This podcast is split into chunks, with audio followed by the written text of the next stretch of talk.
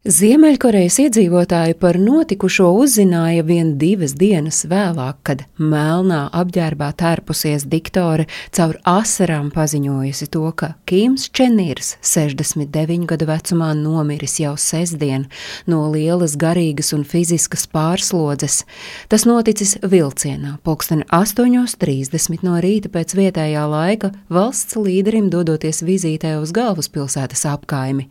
Un to, ka līderis miris no spēcīga miokarda infarkta un sirdstriekas, pēcāk apliecināja Ziemeļkorejas ziņu aģentūra, apgalvojot, ka tas pierādīts svētdien veiktajā sekcijā. Melni tērptā diktore paziņojumu turpinājusi ar šādiem vārdiem. Visiem partijas biedriem, armijas cilvēkiem un sabiedrībai ir uzticīgi jāseko biedra Kīma Čenūna valdībai, jāaizsargā un jāturpina stiprināt partijas, armijas un sabiedrības vienotā fronte. Tikmēr sēras valstī tika izsludinātas līdz pat 29. decembrim. Bēru komiteja, jā, tāda tika izveidota ar jaunāko dēlu un mantinieku Kimu Čenunu priekšgalā paziņoja, ka sērotāji varēs atvadīties no Kima Čenīra no 20. līdz 27. decembrim. Kumsusanas pilī, kur arī apskatēji tolaik bija izlikts iebalzamētais aizgājēja tēva Kima Irsena līķis.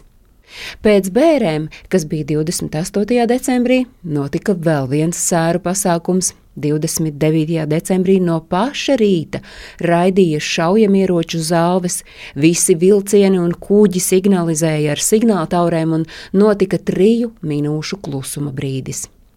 Oficiālā Ziemeļkorejas versija par Kīma Čenīra dzīvi gan krietni vien atšķīrās no citvietu pieejamiem biogrāfiskiem dokumentiem.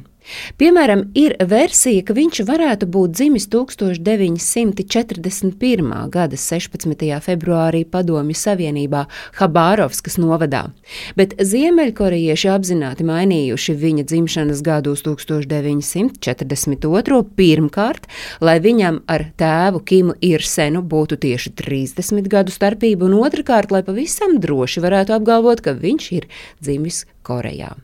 Kīmačinīra laikā valsti bija piemeklējis nelabvēlīgu laika apstākļu izraisīts bats, kurā nomira simtiem tūkstošu cilvēku, tikmēr Kims Čenīrs tajā pat laikā turpināja kodolieroču izstrādes programmu, kuras ietveros kodola izmēģinājumu veikti gan 2006. gan 2009. gadā.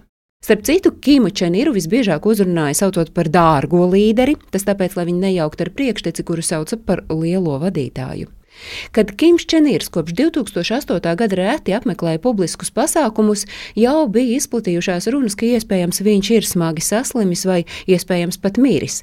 Tomēr viņš vēl pāris reižu parādījās publiski, un viena no tādām reizēm bija Kima Čenīra dēla Kima Čenuna pirmā publiskā parādīšanās gadu pirms tēva nāves. Stāvot tribīnē līdzās tēvam, noskatījās grandiozo militāro parādi Phenjanā.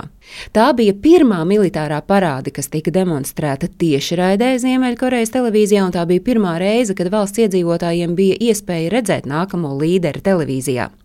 Kīma Čenuna vārds pirmo reizi Ziemeļkorejas plašsaziņas līdzekļos minēts 2010. gada 28. septembrī, kad tie vēstīja par viņu paaugstināšanu ģenerāļa pakāpē, bet vēl pāris dienu vēlāk mēdīja pirmo reizi publicēja varas mantinieka fotoattēlu, kurā viņš redzams nevis bērnībā, bet nu jau pieaudzis.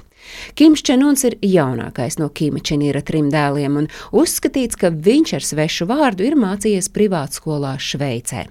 Stāstījumu sagatavoja Agnese Drunka.